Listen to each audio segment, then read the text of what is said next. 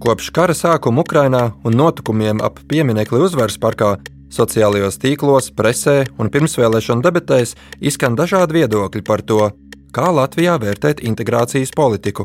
Ir atvērušās acis plašāk arī. Krievu jaunieši stāsta, ka viņu piederības sajūtu Latvijai iepriekšējos gados ir veicinājusi latviska vide un labi skolotāji. 9. maija man mīļākajā svētki gadā. Un, un tad mēs sākām runāt ar, ar, ar to skolotāju Ingu. Tikmēr jauns pētījums atklāja krieviski runājošās sabiedrības daļas noskaņojumu. Es domāju, pētījums lauž vairākus nu, stereotipus vai, vai pat nu, mītus, kas mums veidojās sabiedrībā. Kuras valsts iestādes laikā, kad Ukrainā notiek karš, ir izrādījušas iniciatīvu risināt integrācijas politikas jautājumus? Un kādas tendences par krievalodīgo noskaņojumu atklāja jauns pētījums, pie kura strādā valsts kanceleja? To atvērto failu pusstundā pētīšu es, Filips Lastovskis. Pirmā daļa. Tu taču esi ruskijs. Ir septembra vidus, un esmu ieradies ciemos pie divām rīzniecēm, Dārijas un Sofijas. Viņas abas ir Latvijas nepilsones. Kas te, kas te pa zirdziņiem? А это с veikalu nopirku pa, paklājies uz grīda, mēs nolikam stēnu. Bet tas ir skaistuma elements primāri, Jā, jā, ne? tā, Vai arī jā. skaņai, vai, vai, vai. Nē, Skaistums. nu, vienkārši skaipo, ja nu, negribu lielu gleznu, tad labāk tādu. paklāju. Jā. 60 gadus vecā Darija un 33 gadus vecā Sofija ir māte un meita. Mazajā divistabu dzīvoklī mitinās arī trīs Sofijas bērni, kuri ir skolas un pirmskolas vecumā. Pie durvīm ir pielīmēts plakāts ar alfabētu. F burtu tajā apzīmē karoks, kas ir izkrāsots Krievijas krāsās. Latvijas prezidenta vārdu viņas nevar pateikt, bet pazīst viņu pēc izskata. Un premjeras, kas ir šobrīd? Premjers, ot šitos nezinu. Tāpēc, ka viņi tu visu laiku mainās, mainās, es jau Mhm. zaputulus.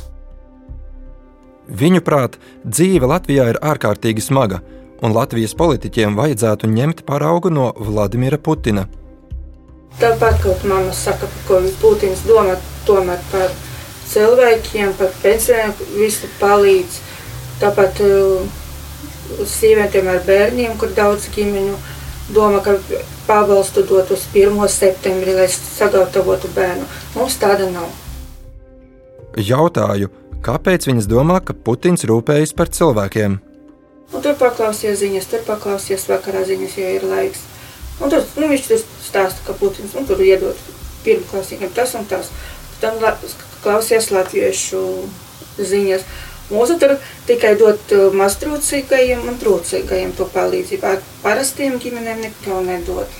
Un tur tur tā paklausījās, domāju, nu, nu jā, no vienas puses grib Putins, ka par kaut ko domā tomēr, ne tikai to par tiem kariem un viss. Un Grām mūsu domā tikai kā vairāk naudas kabatā. no, vai no vienkārši citas vārdas nevar atrast.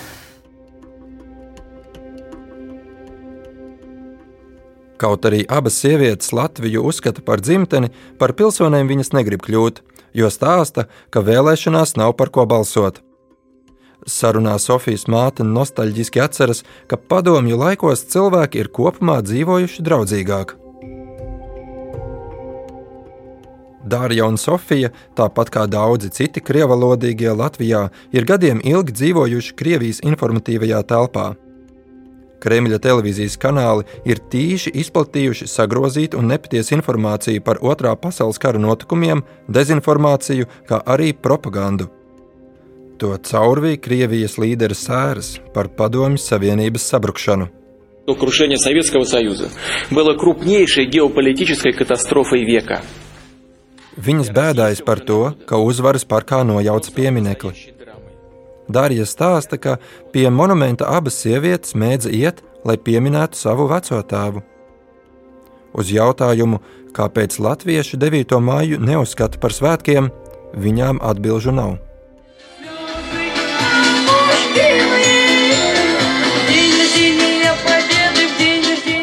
Uzvaras parka svinībās senāk piedalījās arī 28 gadus vecā Vladislava Romanova.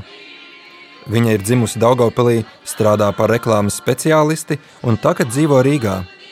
Es, eh, es piedzimu Latvijā. Es, eh, man uzreiz eh, bija pilsonība, tā kā automātiski, jo viņš teica, ka pilsonis. Vladislavs stāsta, ka bērnībā viņa brauca uz Rīgu un dejoja uz svētku skatuves, kas bija uzslieta parkā. 9. maija man mīļākie svētki gadā.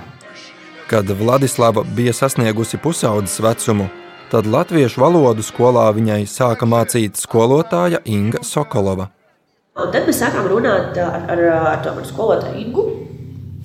Un viņa teica, Klau, nu, kāpēc, kāpēc tu to dari? Ka, kāpēc? Kas ir tas iemesls? Man bija, es pat ja godīgi apjuku, jo neviens nekad to nebija prasījis. Tieši pateicoties savai latviešu valodas skolotājai, viņai izdevās izrauties no Putina televīzijas skavām un paraudzīties ārpus tā dēvētās Krievu pasaules. Viņa arī izstāstīja par uzvaru. Viņa teica, ka kamēr Krievija svinēja uh, uzvaru, tad, uh, piemēram, visu kurzemes uh, reģions tieši pēc uzvaras uh, visas sievietes, uh, mazās meitenes, uh, vecās omītes, visas bija izvarotas uh, ar Krievu karavīriem. Viņa stāsta, ka saprot, kāpēc 9. maija Latvijas iedzīvotājiem nav svētku diena. Viņas māte vēl joprojām ir nepilsone, kura dzīvo Daugopilī. Tomēr ledus ir sakustējies. Viņa skubināja savu mammu naturalizēties, un brutālais Krievijas armijas iebrukums Ukrainā ir pamudinājis arī māti censties iegūt pilsonību.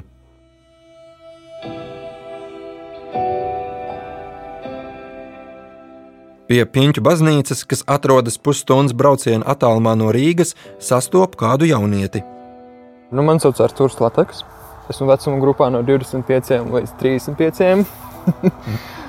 un es esmu programmētājs. Arthurs ir dzimis nepilsoņu ģimenē, un viņš uzauga purvciemā. Līdzīgi kā Vladislava, arī viņa bērnība aizritēja pie televizora ekrāna, kur ģimenes locekļi vēroja Putina svētku uzrunas. Tajā vecumā es vēl biju ļoti, ļoti krieviski noskaņots, teiksim tā. Kad nu, tādas kā, kā, kā Latvijas, kā, kā valsts un kā latvieši man, nu, ne, ne, es nevaru, nevaru teikt, ka nepatika, jā, bet bija tā kā ieaudzināta tāda bišķiņa, ka tu taču esi ruskijs. Pilsonību viņš ieguva skolas gados. Es vaicāju, kad viņa domas par Latviju sāka mainīties. Es domāju, ka tajā brīdī, kad es vienkārši sāku domāt kaut ko nu, ar savu galvu vairāk, nevis ar to, ko, ko tur mamma pastāsta vai ko radinieki pastāsta un tā tālāk.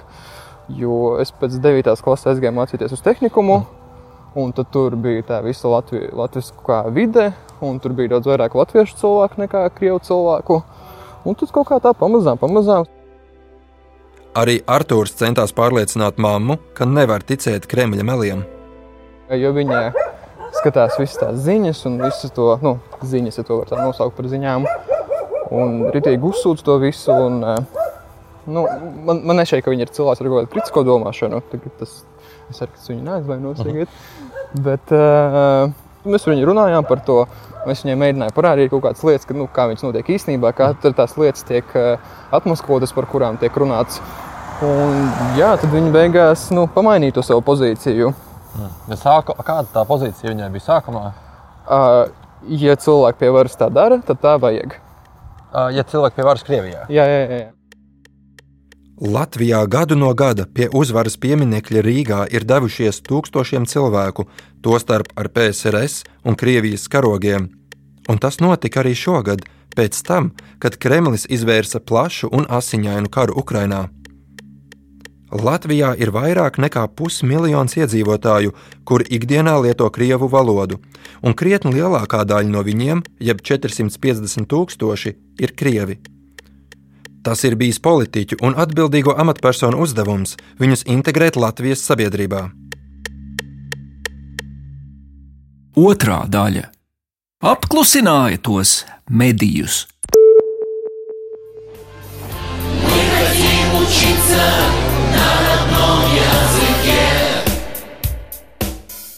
Ir 2004. gada maija, un Latvijas mazākumtautību skolās sākas pāreja uz bilingvālo izglītību. Krievu skolu aizstāvības štābs rīko protesta akciju.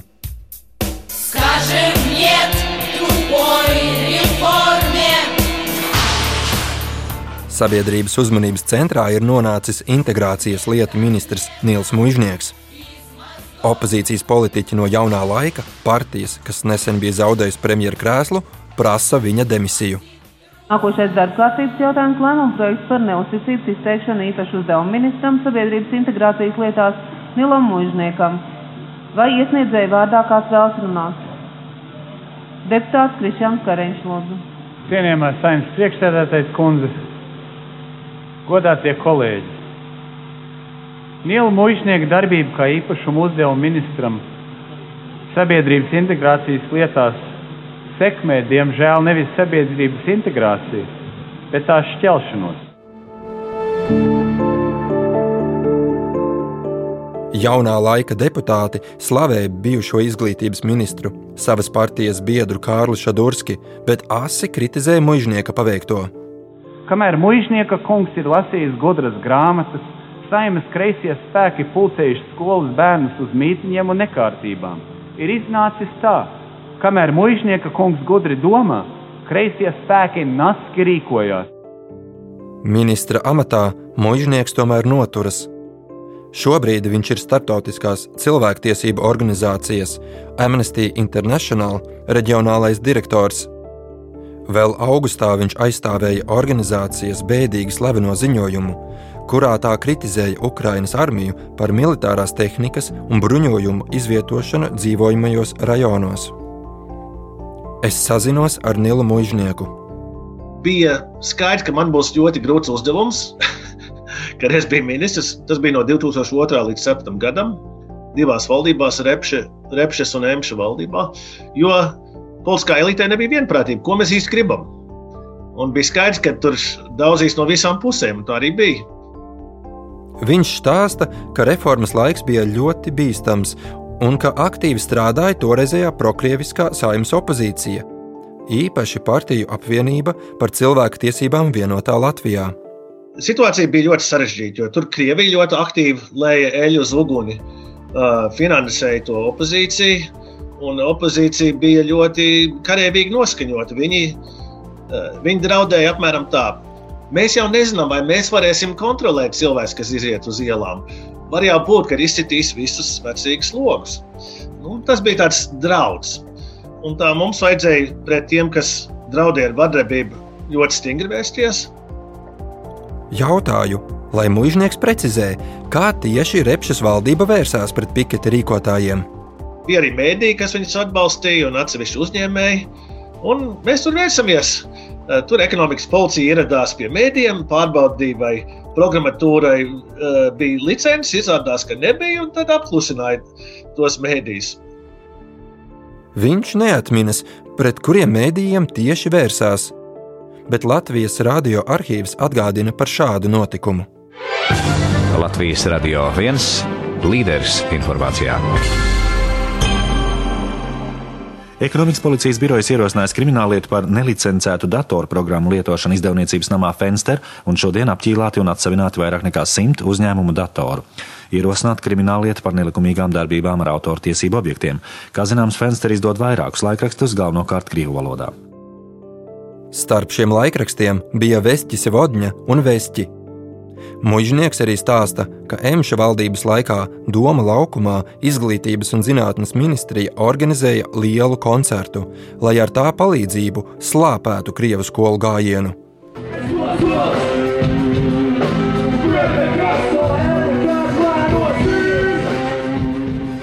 1. septembrī 4. gadā, kad bija domāts milzīgākā demonstrācija mēs jau bijām veikuši tos profilaktiskos gājienus ar, ar to karavīgo opozīciju, un mēs izsūtījām policiju uz ielām diezgan brangā skaitā. Un vienlaikus rīkojām vienu milzīgu roka koncertu ar vislabākajām grupām un atvilinājām visus jauniešus uz to koncertu, lai viņi neiet uz demonstrāciju. Un tā arī sākās skolas gads un, un protestu pieriem, un, un viss aizgāja mierīgi. Bet tas bija nu, tāds riska moments. Koncertā piedalījās gan latviešu, gan krievu auditorijai iemīļot mākslinieki, bet no Krievijas atbrauca grupa Mumija troļi. Piketa rīkotāji koncertu organizētājiem un mūziķiem pārmeta, ka cenšas traucēt demonstrācijai. bet viņi kritiku noraidīja un sacīja, ka pasākums ir domāts tikai bērnu priekam un ar štāba gājienu tam nav nekāda saistība. Mūžnieks arī stāsta, ka tolaik Latvijā vēl pastāvēja obligātais militārais dienests, un jauniesāktajiem vajadzēja organizēt latviešu valodas kursus. Cilvēki, kas beidz vidusskolas Latvijā, nemācīja saprast pavēles. Un mums vajadzēja uh, bruņotajos spēkos organizēt latviešu valodas kursus. Un tas, manuprāt, tas, tas man pārliecināja, ka kaut kas te nav kārtībā, pavisam nav kārtībā. Ja Nils Mužnieks bija pirmais integrācijas lietu ministrs, tad pēdējais šo amatu ieņēma Oskars Kastēns. Varbūt man pārmet uh, daudz kritiķi, sevišķi no kreisā spārna, par to, ka es neveltu pietiekami daudz uzmanības krievalodīgo integrācijai. Lai ekonomikas krīzes laikā meklētu iespējas, kā ietaupīt valsts naudu, Saima ministra amatu likvidēja 2008. gada nogalē. Turpina Oskars Kastēns.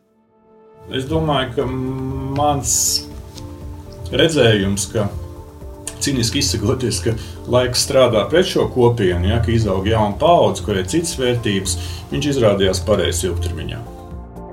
Kastēns atsaucas uz pētījumu, kas tapa pēc Latvijā bāzētā neatkarīgā mēdīju izdevuma Spektra Press un Zviedrijas vēstniecības pasūtījuma. To publicēja pirms diviem gadiem. Viņš stāsta, ka krievu jaunieši Latvijā savas domas un uzskatus arvien vairāk balsta rietumu vērtībās.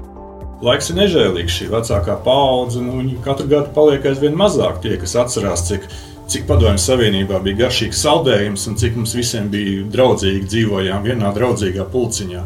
Protams, no, no latviešu viedokļa raugoties, gluži tā īsti nebija, ja, jo bija privileģētākas šķiras un bija mazāk privileģētas. Bet uh, šī jaunā paudze to neatcerās. Viņi redz ikdienu, viņi neskatās programmu Vrīmija, viņi skatās Netflix. Jautāju, Kāpēc viņš iepriekš necīnījās par to, lai valdība saglabātu integrācijas lietu ministra amatu? Es jums varētu atbildēt pret, pretjautājumu, kā tas, kā tas ir pieņemts Odesā. Uh, vai tas, ja tiktu saglabāts šīs integrācijas sekretariāts, veicinātu to, ka šā gada maijā pie pieminiekļa nebūtu šo cilvēku? Viņi būtu. Viņi tāpat būtu. Nu, tāpēc, ka Kā jau es teicu, tie ir pārsvarā vidējās un vecākās paaudzes gājuma cilvēki, pārsvarā ne jau visi, kuri dzīvo pagātnē, nevis tagadnē. Un šis piemineklis ir viņu, viņu simbols, PSRS mantojums, uzvaras piemineklis, kurš faktiski ir tāds viņa ideoloģijas stūrakmens. Laikā, kad Kastāns ieņēma ministru amatu, tad sabiedrības integrācijas jautājumi kļuva par iecienītu strīdus ābolu politiķiem bet sabiedrības integrācijas pamatnostādnes, kam būtu jāstiprina demokrātisku, iekļaujošu un pilsonisku sabiedrību, pēc sekretariāta likvidēšanas pazuda no politiķu dienas kārtības. Kritiķi no Saimnes partijas Tēvzemē un brīvībai LNK pārmeta, ka tajās ir pārlieku liels uzsvars likts uz multikulturālismu un esot pamanāmi centieni atbalstīt divkopienu valsti. Atbild Oskars Kastēns par, par kaut kādu divalodību vispār nebija nekādas, nekādas runas, un, un to es kategoriski noraidu. Trešā daļa. Šie cilvēki nezina.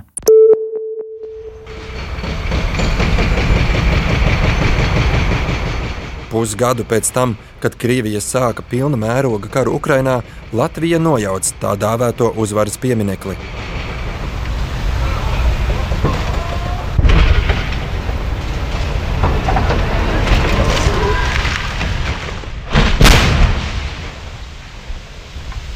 Pieminekļa vairs nav, bet valstī aizvien ir vairāki simti tūkstoši krievalodīgo, kuru attieksme pret Krieviju ir dažāda. Raidījuma sākumā jau dzirdējām Dārju un Sofiju, kuras ir izvēlējušās pozīciju, kur nav skaidra viena agresora. Bet šā gada 9. maija televīzijas ziņu sižetos vairāki sanākušie bravūrīgi izteica atbalstu Krievijai. Lūk, ko Latvijas televīzijai sacīja kāda sieviete. Можно сфабриковать все, что хочешь. Var safabricēt visu, ko vien vēlēs, samontēt jebkuru video un pasniegt, ka to ir pastrādājusi it kā Krievija. Krievija to nedara, Krievija visus glābj, tā ir taisnīga valsts, visiem palīdz. Ko iesākt ar tiem cilvēkiem, kuri ir gatavi ieklausīties Vladimirā Putinā? Latvijas prezidents Egils Levits Latvijas radio raidījumā Labrīt dienu pirms pieminiekļa nogāšanas piedāvāja nelojālo Krievu sabiedrības daļu izolēt. Negatīvais efekts ir tas, ka viena neliela daļa mēs labāk redzam šo Krievu sabiedrības vienu daļu, kura ir, nav lojāla mūsu valstī, un mūsu uzdevums ir tikt ar to galā, respektīvi to izolēt. Prezidenta atbilde gan rada jaunu jautājumu, ko tieši nozīmē izolēt veselu sabiedrības daļu. Vēršos pie Levita padomnieces kultūra politikas jomā, bijušās kultūras ministres Sārmītas Ēlertes. Tas jāizolē nozīmē, ja kāds vēršas pret ukrāņiem, pret ukrāņu karogiem, vai kaut kādā publiskā vietā sludina šādu politiku, viņi vienkārši jāizolē. Un to ļauj krimināla likums, grozījumi krimināla likumā, kurus nesen pieņēma. Viņa nepiekrīt publiski izskanējušajiem pārmetumiem, ka integrācijas politika būtu izgāzusies. Vajag dekonstruēt šo te saliedētību, ir izgāzusies vai kaut kas. Ar vārdu dekonstruēt viņa domā mainīt uzskatus, ka Latvijas sabiedrība būtu sašķelta. Amerikas sabiedrība saliedēta, vai viņi sašķelta, ka Latviešu, Latvijas sabiedrība sašķelta un integrācijas politika izgāzusies. Šitie ir tādi bez atbildības lietot jēdzieni, kuri ir jādekonstruē. Amerikas sabiedrība. Tur nu gan ir jāteic, ka sašķēlusies. Viena ir demokrāta, otra ir uh, šitie trumpisti visi, vai ne? Vai Latvijas sabiedrība sašķēlusies, tāpēc, ka viena ir ar velospēdiem brauc, bet otra ir mašīnā? Un staļus uzliek stabiņus, un viss viena brācis, ka bija pareizi, otrs brācis, ka nepareizi. Neilgi pirms valsts valodas referenduma, kad Sarmīta Elerte vēl bija kultūras ministre, integrācijas politika nonāca kultūras ministrijas pārziņā. Kopš tā laika integrācijas politiku dēvē citādi. Vismaz pēdējos piecus gadus politikas plānotāji runā par sabiedrības saliedētību, Arī no pamatnostādņu nosaukuma termins integrācija ir pazudis. Es jautāju kultūras ministrijas sabiedrības integrācijas departamenta direktorei Jeļenai Šaicānai, ko deva tas, ka integrācijas politiku nosauca citā vārdā. Es nestrādāju konkrēti šajā institūcijā, tad, kad notika šī pārzīmološana. Jā. Bet noteikti šī pārzīmološana ir bijusi veiksmīga, jo uh, Runājot par integrācijas politiku, viļus, neviļus, mēs vairāk tomēr fokusējamies tieši uz etniskajiem jautājumiem. Un, kā jau es minēju, saliedēta sabiedrība tas ir daudz plašāk. Pēdējā pusgada laikā, kopš mūsu reģionā notiek karš, daudzi Latvijas krievi ir apmulsuši un nezina, ko domāt. To apliecina vēl nepubliskots pētījums par sabiedrības noskaņojumu, kuru īsteno valsts kanceleja. Es domāju, pētījums lauž vairākus eh, nu, stereotipus vai, vai pat nu, mītus, kas mums veidojās sabiedrībā. Rihards Bambals ir valsts kancelejas strateģiskās komunikācijas koordinācijas departamenta vadītājs. Viens no šādiem mītiem bija, kas radās arī pirmajās kara dienās. Marta sākumā, 1, 2, 3 marta nedēļa sabiedriskā telpā parādījās nu, šī ziņa, ka, ka Latvijas krievalodīgie ir liela daļa ir nu, Putina pusē vai, vai Krievijas pusē. Vai nu, tur bija arī daļa, kur bija absolūti lielākā tajā pelēkajā zonā, kas ir ne Ukraiņas, ne Putina pusē. Mums eksperti izplatīja e, vēstījumu, ka Nu, visticamākais, ka tie cilvēki slēpj savu pozīciju un īstenībā jau esot Putina pusē. Nu, padziļinātās intervijas ar cilvēkiem atklāja, ka tiešām šie cilvēki nezina. Viņa ieskatā valstī ir būtiski uzrunāt cilvēkus, kas šobrīd nezina vai svārstās par to, ko domāt par notikumiem Ukrajinā. Otrs mīts iespējams ir par pieminekļu uzvaras parkā un arī citu padomu pieminekļu demontāžu, kur mēs pieņemam, ka tie ir pāris nu, desmit, simti cilvēki, kas demonstrē vai izrāda nepatiku pret šo pieminiektu gāšanu, ka viņi noteikti ir Putina vai Krievijas pusē. Tā arī nebūtu. Nav. Liela daļa no viņiem īstenībā atbalsta pat arī Ukrainu un ir Ukraiņas pusē un ir pret Putinu. Bet nu, arī viņiem lielai daļai bija svarīgi šie padomu pieminekļi, jo, kā arī eksperti to skaidroja, viņiem nu, diezgan daudz citu satikšanās vietu savstarpēji e, nebija. Bambals sarunas laikā aicina iedzīvotājus izvairīties no maldīga pieņēmuma, ka visi krievu valodā runājošie cilvēki Latvijā atbalstītu Putinu. Būtisks secinājums ir, ka nu, nebūtu noteikti korekti arī vispārināt un teikt, ka, nu, ka krievu valoda ir kaut kāda nezinu, Latvijas piektā kolonna vai, vai, vai tas ir tas kanāls, caur kuriem Krievija var, ja Kremlis var ietekmēt eh, politiskos procesus Latvijā un veidot kaut kādas sociālas nemieras. Jo absolūtais vairākums, 80%, saka, ka viņi ir patrioti Latvijas, un 95% jūtas piederīgi Latvijai. Absolūti vairākā daļa nejūt nekādu piederību sajūtu ar Krieviju. Atbildot uz jautājumu, vai ir bijusi citu iestāžu interese jau šobrīd izmantot datus politikas veidošanā, Bambals atbild diplomātiski, bet starp rindiņām varu nolasīt, ka par šādu vēlmi viņam nav ziņu. Bet, ja kāds ministrs interesētos, tad ar datiem dalīties varētu kaut vai tūlīt. Jeļena Šaicāne no kultūras ministrijas stāsta, ka par kancelējas iegūtajiem datiem viņa zina un ir tos daļēji redzējusi. Valsts kancelē pat labi visus datus vēl nav izplatījusi. Jā, līdz ar to mēs tiešām pacietīgi gaidām, ļaujam kolēģiem pabeigt darbu. Ja datus par sabiedrības noskaņojumu pirmā uzņēmās ievākt valsts kanceleja, tad iniciatīvu sākt diskusiju par to, kādas izmaiņas mūsu dzīvē ienes saspīlētās attiecības, kas vizuāli izgaismojās mājā pie uzvaras parka, valsts iestāžu līmenī sāka Sabiedrības integrācijas fonds. Tas rīkoja neformālu apaļā galda diskusiju ar dažādu nozaru ekspertiem, tostarp Mārtiņu Kaprānu, Agnesi Irbi, Ārni Kaktiņu un citiem. Pēc diskusijas fonds valsts iestādēm nosūtīja konkrētus priekšlikumus, kā stiprināt sabiedrības saliedēšanu. Tālāk atskaņojam dažus ekspertu secinājumus. Latvijas iedzīvotāji, kuru ikdienas pamatvaloda ir krievu valoda, uzvaras pieminekļa nojaukšanas notikumu varētu uztvert par simbolisku personisku uzbrukumu pret Latvijas krieviem pēc etniskās pazīmes.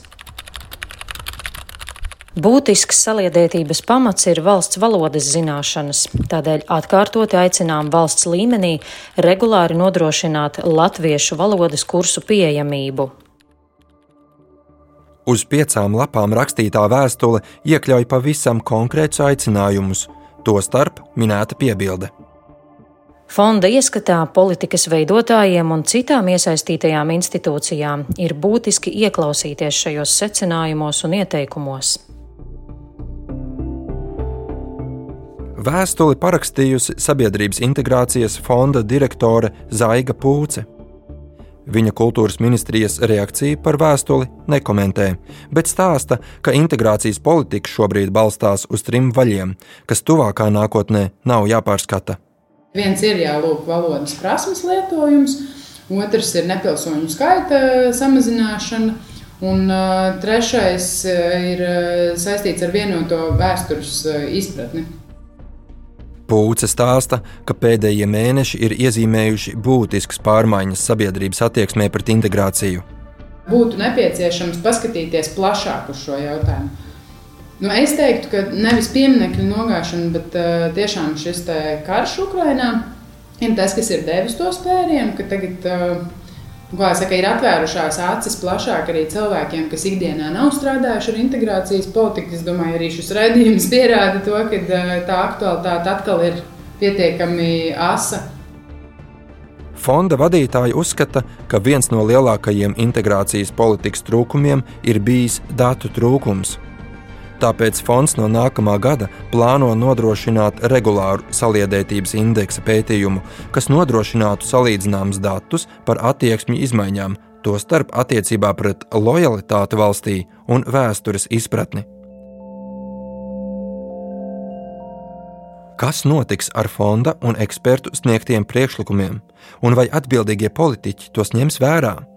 To vaicāju kultūras ministrijas pārstāvei Jeļenai Šaicānei. Jebkāda informācija, diskusija, secinājumi ir ļoti vērtīgs darba materiāls. Tā Šaicāne tomēr konkrētu atbildi nesaņem. Viņa liek noprast, ka ministrija sekos jau izstrādātajām saliedētas sabiedrības pamatnostādnēm bet pirms kara plānotos pasākumus pielāgos jaunajiem apstākļiem. Tikmēr Vladislava Romanova no Daugaupils ir nolēmusi rīkoties pati. Viņa organizē interviju ciklu ar vietējiem iedzīvotājiem, lai parādītu, ka pilsētā ir radoši un profesionāli cilvēki, kas jūtas piederīgi Latvijai un par to jūtas laimīgi. Daugavpils ir viss par Krievu pasauli. Sapratu, ka es ļoti daudz heitoju to apakaļ. Un ka patiesībā tur ir ļoti daudz foršu cilvēku. Diemžēl tie forši cilvēki uh, ir iespiesti, es teiktu, stūrī. Raidījumu veidoja Filips Lastovskis, Ģederts Dželzis un Reinis Budze. Atvērtie faili!